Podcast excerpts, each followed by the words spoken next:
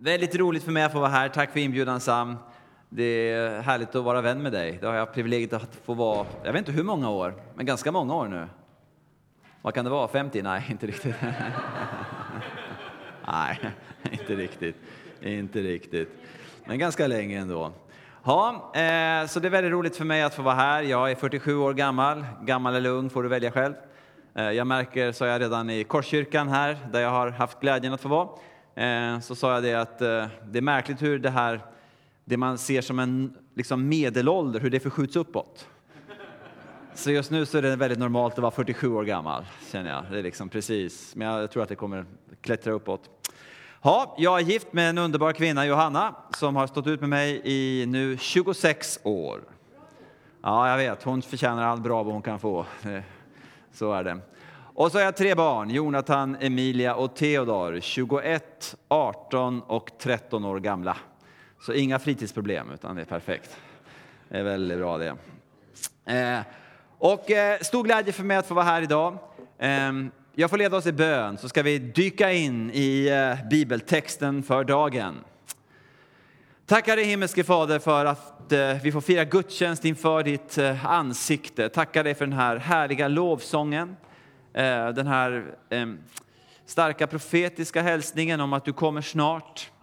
Herre, vi eh, bara hörsammar den där signalen från ditt hjärta, eh, att du vill väcka oss.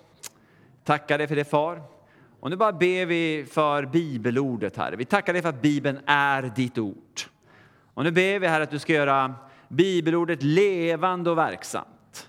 Så att det får tränga in i vårt innersta och där skapa liv. Herre, vi vet att du är en mästare på att göra det. Och du ser, Herre, att vi alla kommer hit med olika typer av behov. Där vi har olika saker som vi kämpar med och brottas med. Och vi bara tackar dig för att vi tror att du själv eh, kan tala till oss genom ditt ord. Och vi bara ber dig, Jesus Kristus, att du får vara huvudperson här den här eftermiddagen. Att du får fortsätta att eh, röra dig bland oss. Och vi inbjuder dig, heliga Ande, att eh, bara blåsa liv Eh, i våra hjärtan. Herre, vi behöver så mycket från dig. Så vi bara ber, Veni Sancti Spiritus, kom helige Ande. Amen. Ja, vänner. Eh, när jag då har bett eh, lite grann kring vad jag skulle ta upp här så eh, har jag på något sätt eh, förnummit att jag skulle dela, eh, vi skulle läsa lite ur Hagais bok, Hagai, Eh, det andra kapitlet från vers 1. Och har du ingen bibel med dig kan du vara lugn, för jag lovar att läsa högt. Eh, men om du har en bibel med dig och vill slå upp så är det den tredje sista boken i Gamla testamentet. De tre sista böckerna är Hagai, Sakarja och så det som Sam läste ur så gott där, Malaki.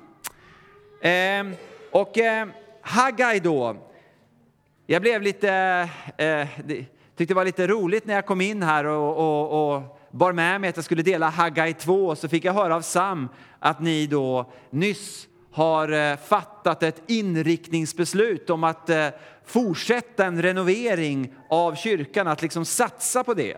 Det, det tyckte jag var lite stilpoäng för att Haggai handlar just om detta med att bygga Herrens hus. Så då, då, kunde jag någonstans ana att det kan vara så att, att eh, Haggai 2 är en hälsning till pingstförsamlingen i Karlstad i den tid ni står i. Och eh, ja, det är ju Guds ord, så det måste det ju vara. Eller hur?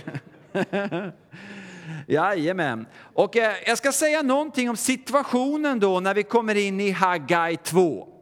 Och då är det så att, att eh, Haggai, han var en profet som eh, verkade 520 före Kristus. Och det är viktigt att du skriver ner det här för det blir prov innan du får gå härifrån. Så att eh, det är viktigt med detaljerna. 520 före Kristus. Och vad var situationen då?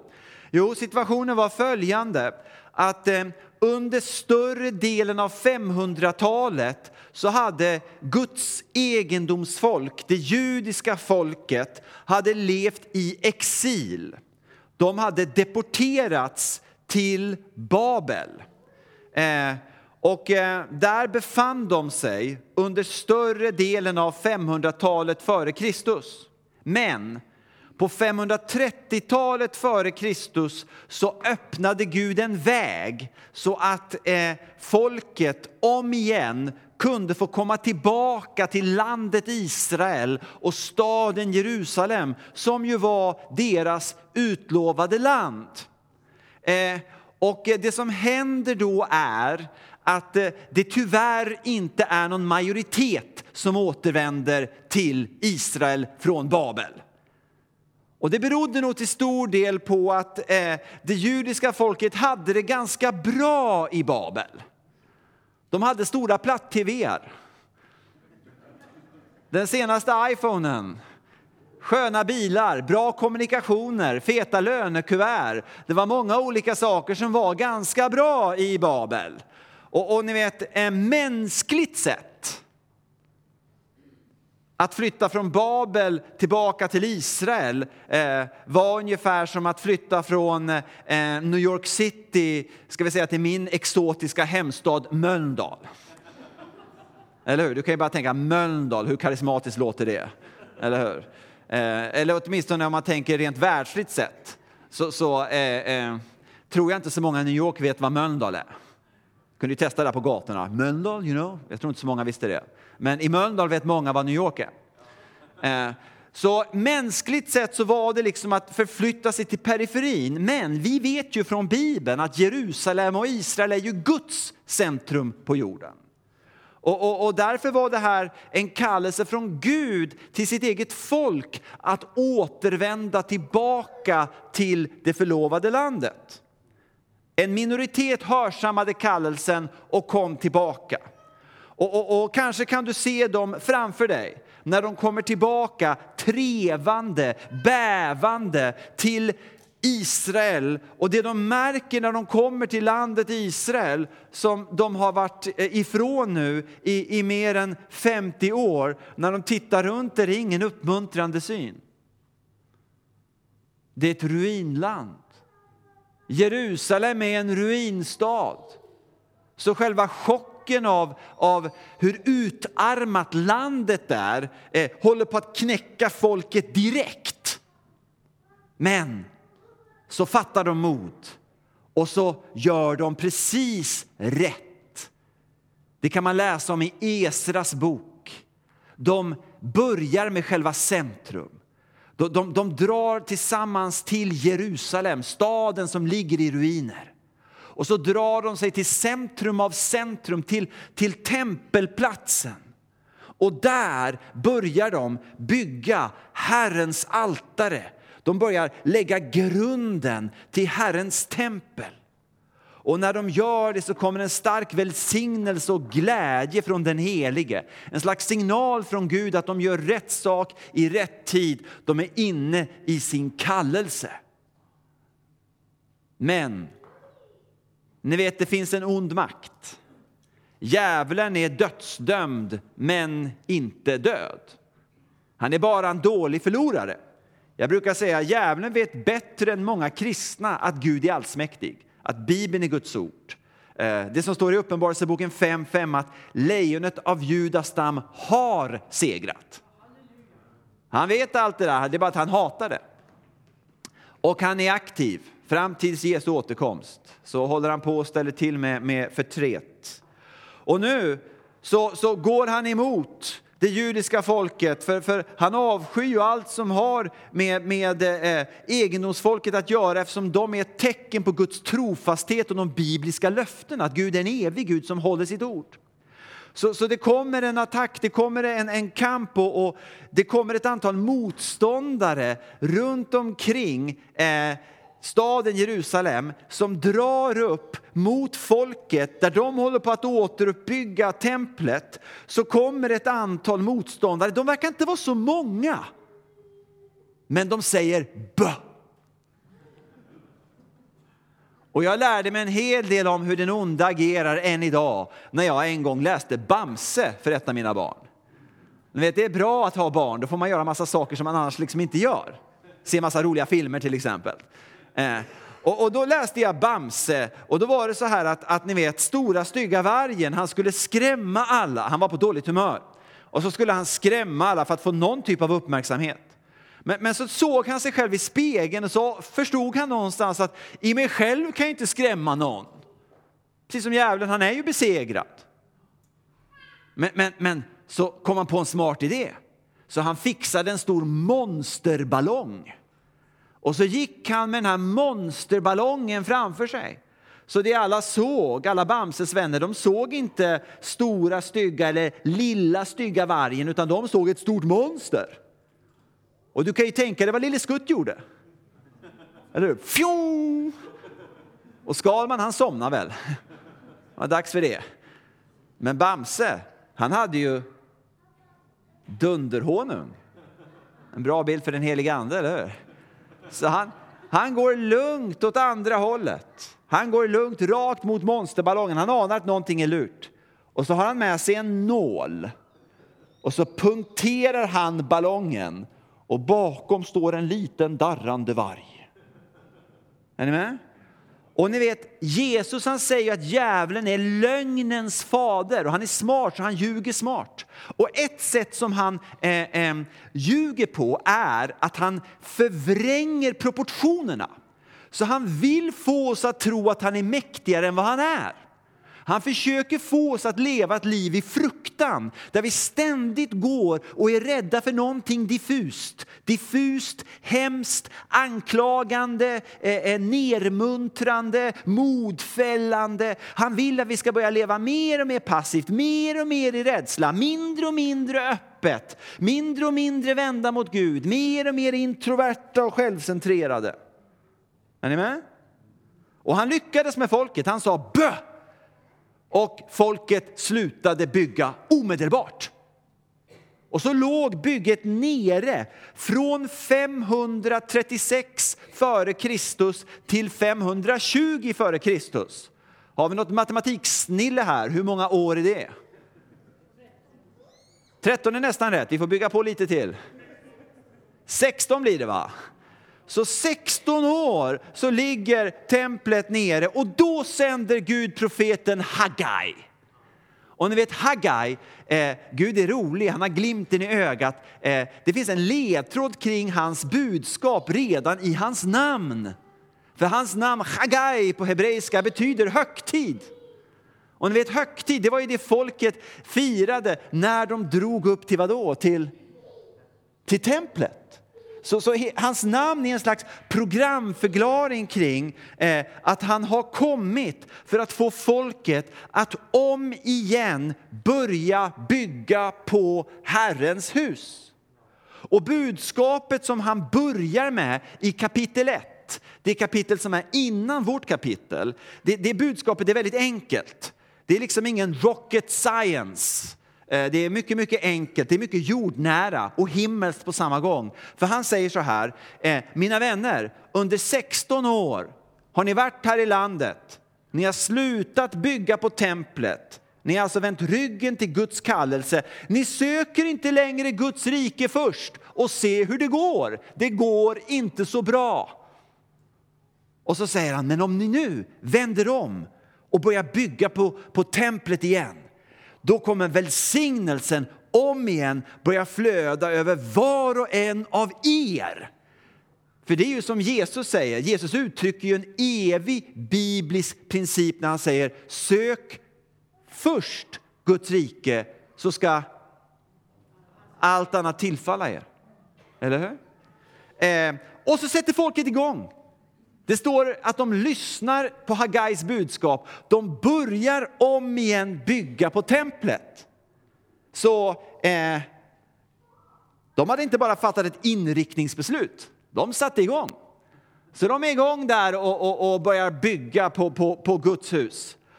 Och så kommer vi till Hagai 2 och då tänker man, ja men nu är allting bra. Nu, nu måste det liksom vara perfekt. Nu är det ju det här Hollywood happy end. Men ni vet, happy end blir det inte förrän Jesu återkomst. Utan kampen finns ju där till dess.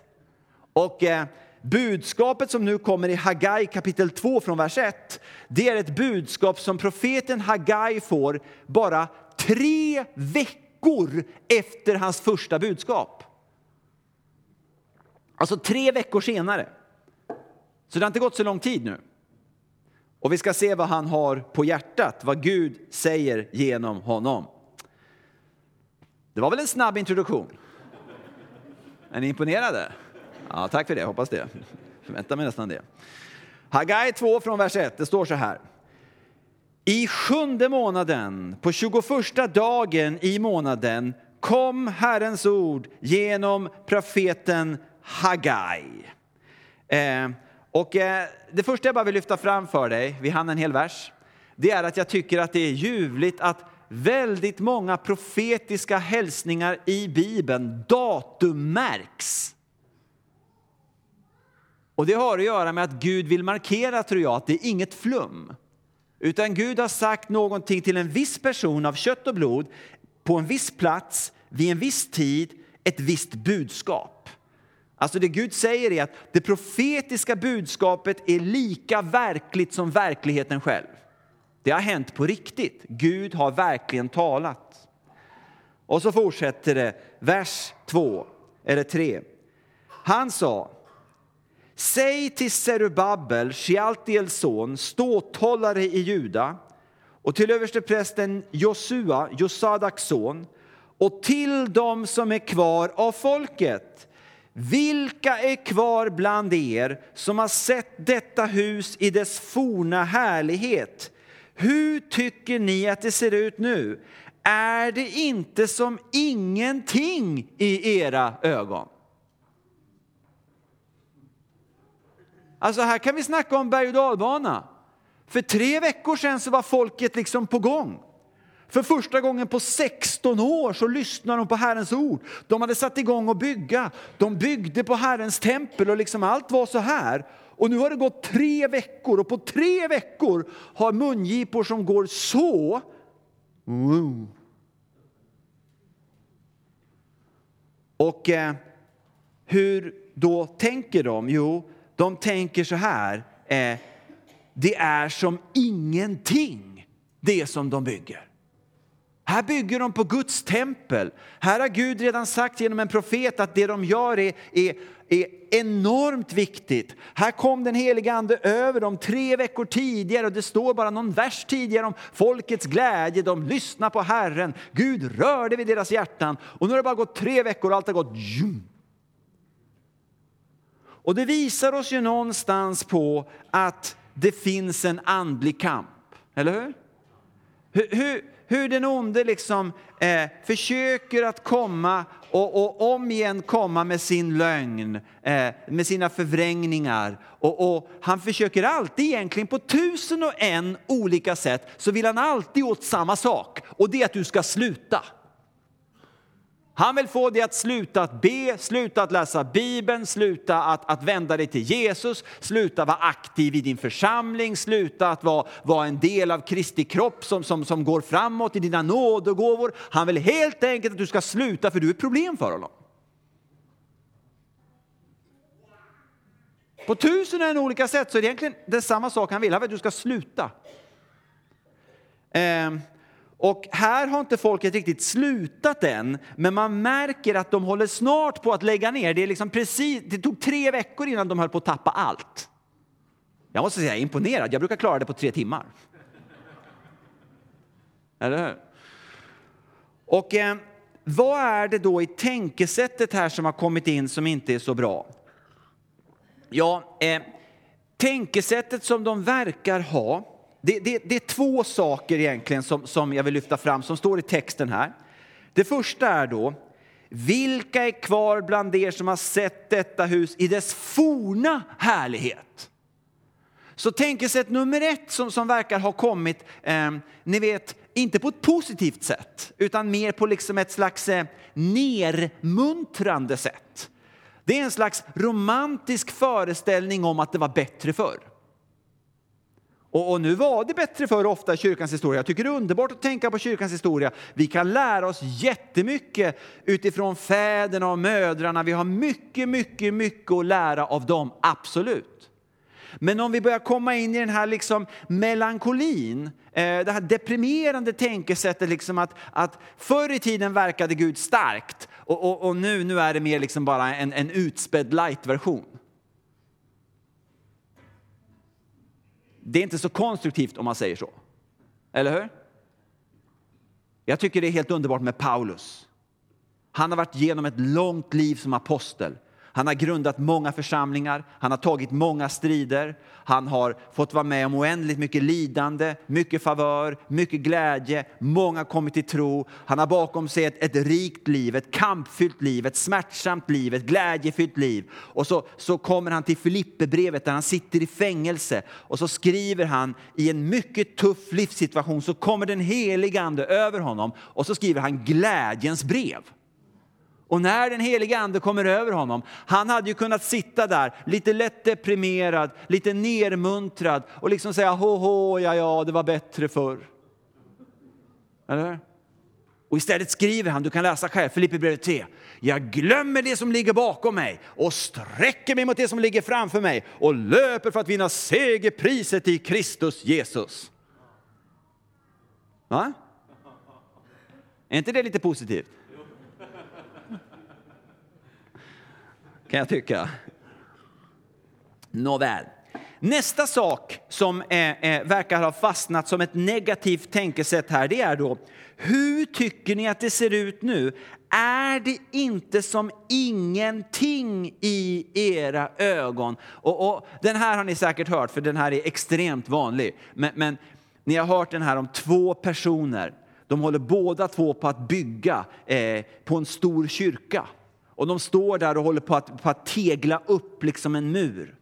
Och, och, den första personen han liksom står där och håller på så här och, och, och han, hela han ser, ser nermuntrad ut. Och den andra personen gör samma jobb, men gör det med mycket större precision. Eh, det går snabbare och, och, och, det är liksom med flöde och det är med glädje. Och så ställer man frågan till båda två, vad gör du? Och den första han säger, jag håller på med den här muren. Eller? Och den andra personen, vad säger han? Jag bygger en katedral. Är ni med? Så, så det budskapet mer och mer kommer att liksom fokusera på här snart i Hagai 2, det är både för dig och mig att liksom lyfta blicken som Jesus ber oss och, och se det stora perspektivet att vi är utvalda i denna sena timme så har vi fått det enorma privilegiet att vara en del av Kristi kropp. Vi har fått privilegiet att födas i denna dramatiska tid i världens historia. Just vi får vara kallade att vara här och bygga på Guds tempel.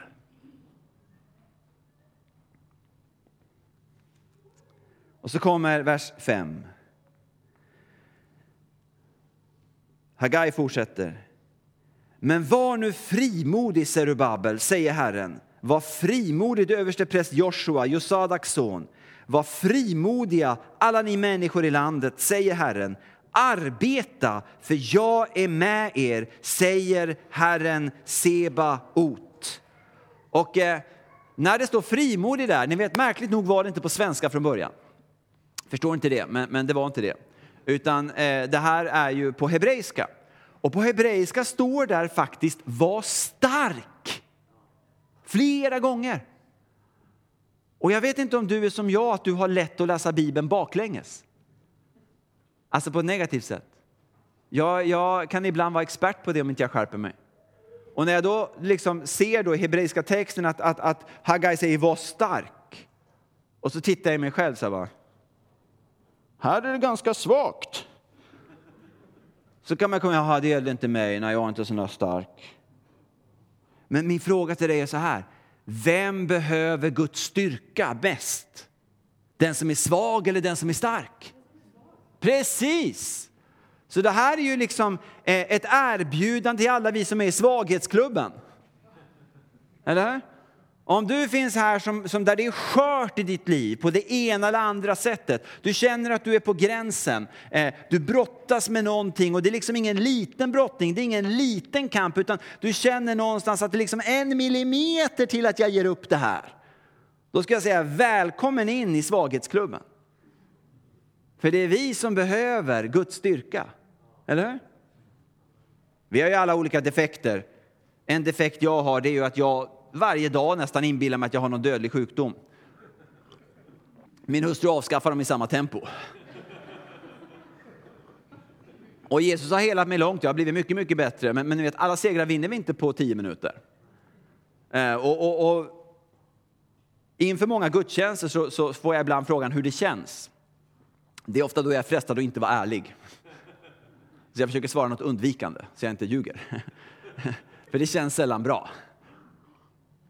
Det känns sällan som wow, här inne har vi någonting fantastiskt. Det känns mer här inne liksom fem fiskar och ett par bröd vore fantastiskt bra dragläge. är ni med? Så om du finns här som inte har någon brist på svaghet, då är du precis på den rutan där Hagai är. För det handlar ju om att vi med vår svaghet, vi drivs ju fram att ta emot mer av den heliga Ande. Eller hur? För vi förstår någonstans att vi klarar inte det här själva. Och jag tyckte det var så fint, starkt profetiskt budskap vi fick tidigare här om att den sista tiden närmar sig och det här trycket som vi alla känner, eller hur? När vi tittar på nyheterna, när vi ser allt som händer runt om i världen och, och alla saker, alla utmaningar, även i vårt eget liv. Då kan vi väldigt lätt tänka så här, det här fixar inte jag. Eller hur? Och jag skulle säga, nej det gör du inte. Du fixar inte det här. Det gör ingen av oss. Om vi inte fylls av den heliga Andes kraft. Så det här är ju en enorm möjlighet, vår svaghet. Att det driver oss att komma närmare Gud. Är ni vakna? Och så fortsätter eh, Haggai och säger så här då. Eh, arbeta för jag är med er, säger Herren Sebaot. Och arbeta där, det är avoda på hebreiska, tjäna. Det är samma sak som människan var kallad att göra även innan syndafallet. Alltså tjäna mig är budskapet, eh, något organiskt, något personligt när vi tjänar Gud för att vi älskar och vördar honom. Och så Herren Sebaot. Jag tror inte jag vet någon bibelbok i hela gamla testamentet som så ofta har uttrycket Sebaot som just Haggais bok. Och ni vet, Sebaot det betyder ju härskarornas Gud. Och vi som tillhör Guds rike, vi är ju alltid i majoritet, eller hur? För änglarna, miljoner och miljoner änglar och dessutom den allsmäktige guden är för oss. Och därför är vi alltid, alltid, alltid i majoritet. Och till just det här folket som är en minoritet som håller på att göra någonting där den onde försöker få dem att tänka att det här är futtigt, det här är oviktigt, det här är litet. Du är futtig, du är vanlig, du är grå, du är inte särskilt begåvad. Det du gör betyder ingenting och allt det här liksom som kommer gång på gång på gång på gång på gång så kommer hälsningen istället från Gud. Jag kommer med min styrka. Det du gör är oändligt viktigt och jag är Herren Sebaot. Du är alltid i majoritet. Och så vers 6. Det löftet gav jag er när ni drog ut ur Egypten och min ande är mitt ibland er. Var inte rädda. Så i nästa vers så talar Haggai om att eh, Gud vill påminna dem om att det här löftet det talar han ut när han förde dem ut ur Egypten. Och då kanske ni kommer ihåg att de hade lite vatten att ta sig igenom. Känns det igen? Jamsuf, ändens hav. Och, och det står ju om, om det judiska folket att när de drog genom Jamsuf, ändens hav, så, så sände Gud en enorm vind så vattnet stod som, som två murar på varsin sida och så gick de mitt igenom. Och då tror jag naturligtvis att det å ena sidan är Gud som vill påminna om att han är en mäktig Gud. Han är universums konung. Det är inte svårt för Gud att vrida upp volymknappen. Och det vill han påminna dig och mig om idag också, att det är ingen liten Gud, det är en stor Gud. Och sen tänker jag också här att det har någonting att göra med också att Gud är suverän på att föra oss mitt igenom. Han för oss oftast inte runt om problemen eller under eller över, utan den heliga Ande, för det talas ju om anden här, eller hur? Min ande är mitt ibland er. Den heliga Ande har en förkärlek för att vilja föra dig mitt igenom. Och ursäkta nu ett patetiskt litet exempel från min mycket, mycket lilla vardag. Så litet så att det nästan är genant, men jag tänker jag delar det ändå. Jag är inte blyg för det. Eh, I morse när jag vaknade så eh, kände jag bara att det är någonting i munnen som är annorlunda. Så förstod jag ganska snart att vänta nu, en lagning har flugit iväg. Och problemet för mig är att jag är ute på en ganska lång resa mellan flera olika platser. Eh, men jag bara direkt tänkte att det här måste fixas snabbt. Och det är ju inte världens roligaste att gå till tandläkaren. Fast jag har en väldigt bra tandläkare. Och jag bara tänkte direkt, nej men jag måste gå rakt igenom det här, jag måste ta tag i det här direkt. Så ikväll så åker jag direkt tillbaka till Göteborg och på morgonen imorgon så är det jag som står hos tandläkaren och bara vädjar om att få en tid, fixa min mun. Och eh, du kanske tycker det här var ett patetiskt litet exempel.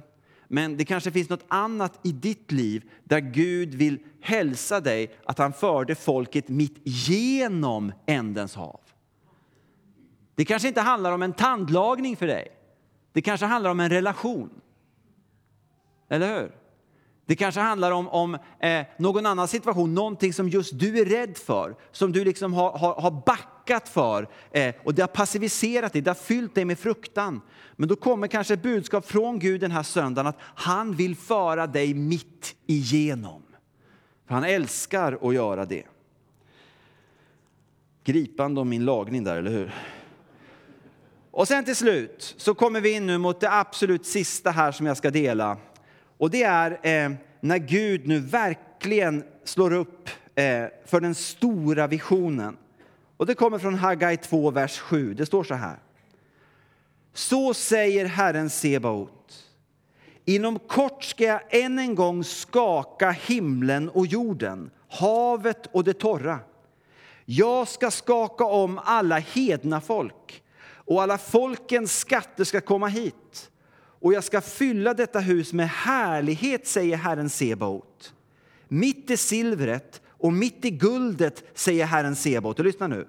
Den kommande härligheten hos detta hus ska bli större än den förra, säger Herren Sebaot. Och på denna plats ska jag ge frid, säger Herren Sebaot.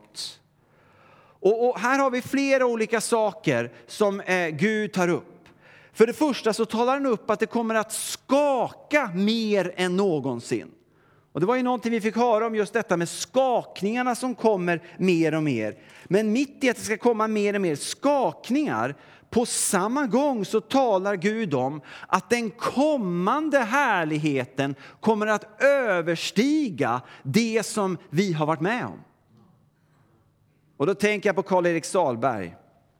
Han brukar ju säga när jag möter honom, den underbara gudsman som tjänade så troget i Klara, mitt ibland alla trasiga människor, så brukar han alltid säga när jag möter honom, han avslutar och så säger han, ja du vet Hans, det bästa framför. Det bästa framför. Och eh, när det gäller de här skakningarna så talar ju Jesus om det och där vill jag avsluta med den texten i Matteus 24 från vers 4. Där säger Jesus och talar ut eh, om den sista tiden, om de skakningar som eh, kommer att komma mer och mer och de välsignelser som kommer att komma. Och eh, jag läser Matteus 24 från vers 4. Det står så här. Jesus svarade dem. Se till att ingen bedrar er. Många ska komma i mitt namn och säga jag är Messias och de ska bedra många. Ni kommer att höra stridslarm och rykten om krig. Se då till att ni inte blir skrämda. Sådant måste hända, men det är ännu inte slutet. Folk ska resa sig mot folk och rike mot rike. Och det ska bli svält och jordbävningar på många platser. Men allt detta är bara början på födslovåndorna. Då ska man utlämna er åt lidande och döda er. Och ni kommer att bli hatade av alla folk för mitt namns skull. Och då ska många komma på fall och de ska förråda varandra och hata varandra. Många falska profeter ska träda fram och bedra många. Och eftersom laglösheten ökar kommer kärleken att kallna hos de flesta. Men den som håller ut till slutet skall bli frälst. Och så kommer det här i vers 14, den här pärlan. Och detta evangelium om riket ska förkunnas i hela världen till ett vittnesbörd för alla folk sedan ska slutet komma. Så det Jesus talar ut här, som kopplar direkt till Hagais profetia om både skakningar och kommande enorm härlighet, det är att han säger att ju närmare vi kommer Jesu återkomst, ju mer kommer mänskligheten att dras in i födslovåndor. Och ni anar säkert att jag inte har fött barn. Men jag har varit med vid tre förlossningar. Och det är det mest fantastiska man kan vara med om när man står och håller ett nyfött barn i händerna. Men hur fungerar födslovåndor? Jo, innan förlossningen så blir ju magen stor. Och så börjar själva verkarbetet. Och då kommer en sammandragning i moderlivet som är till för att öppna upp så att barnet kan födas fram. Och de här sammandragningarna under en normal verkperiod så kommer de ju tätare och tätare intervall. Det blir mindre och mindre tid mellan varje födslovånda. Och dessutom så blir varje födslovånda i sig kraftfullare och kraftfullare. Så det är som att Jesus målar upp en intensitetsspiral där han säger att det kommer att bli mer och mer intensivt, mer och mer kamp, mer och mer turbulens. Men mitt i det så kommer Gud göra det han är suverän på. Han kommer alltid ligga ett steg före den onde. Och det här är den största väckelseperioden i mänsklighetens historia. Och dit är vi på väg. Och mina vänner, när vi ser historien idag så märker vi ju att fler kommer till tro idag än folk som har kommit till tro någon tidigare dag förmodligen under hela världshistorien. Och när Guds ord ger oss olika profetior om det här med sista tiden så handlar det dels om att det kommer vara unikt i antalet. Alltså att fler kommer komma till tro än som någonsin har kommit till tro. Eh, Johannes ser en skara i Uppenbarelseboken 7 från vers 13 som är så stor så att ingen kunde räkna den. Och det finns ändå en skara som räknas i Uppenbarelseboken som är 200 miljoner. Och därför tror många, inklusive jag, att vi har att göra med en väckelse i sista tiden som, som går långt över 200 miljoner, och det är ju ganska många. För det andra talar Petrus i kyrkans första predikan om hur den helige Ande kommer utgjutas med tecken och under och syner och profetisk gåva, bland annat. Mer och mer, ju närmare vi kommer Jesu återkomst och ju mer det skakar. Och eh, jag hade ju eh, privilegiet att få eh, recensera en bok som är skriven av en författare precis nyss. Och den svenska titeln är Är du kristen ska du dö.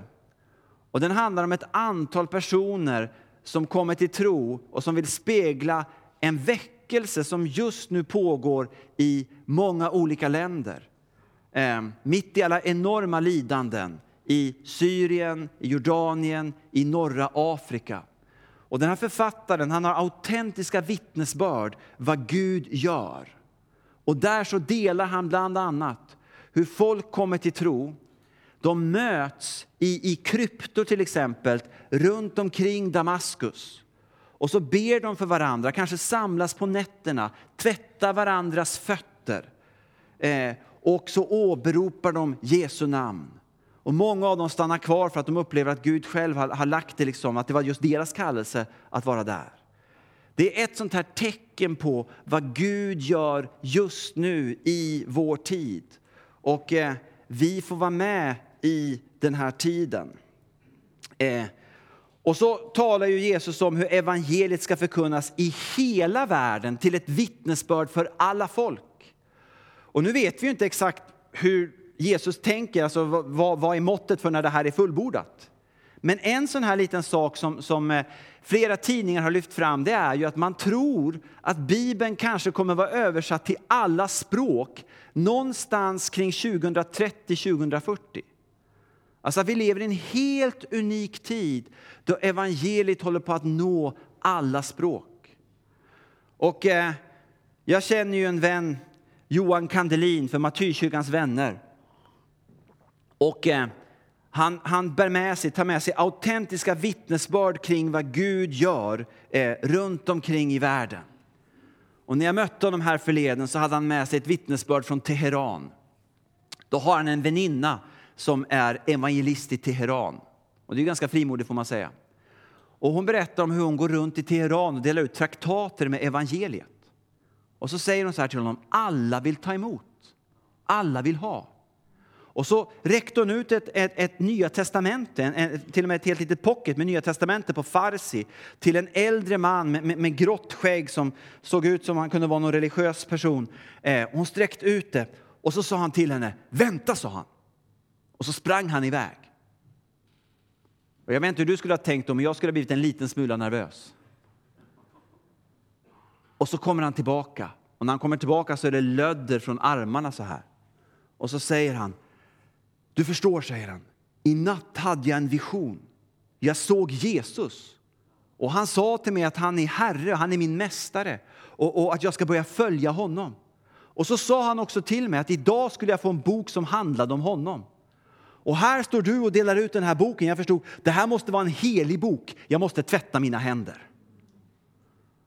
Och det är ett sånt här tecken på vad Gud gör idag. Så allra sist nu, vi ska få lyssna på en solosång så ni kan komma upp ni som ska sjunga. Så tror jag att Gud själv vill bara komma till oss idag, välsigna oss och bara öppna våra ögon för att det vi gör är en del av den här stora visionen för Kristi kropp i den tid som kommer allt närmare Jesu återkomst.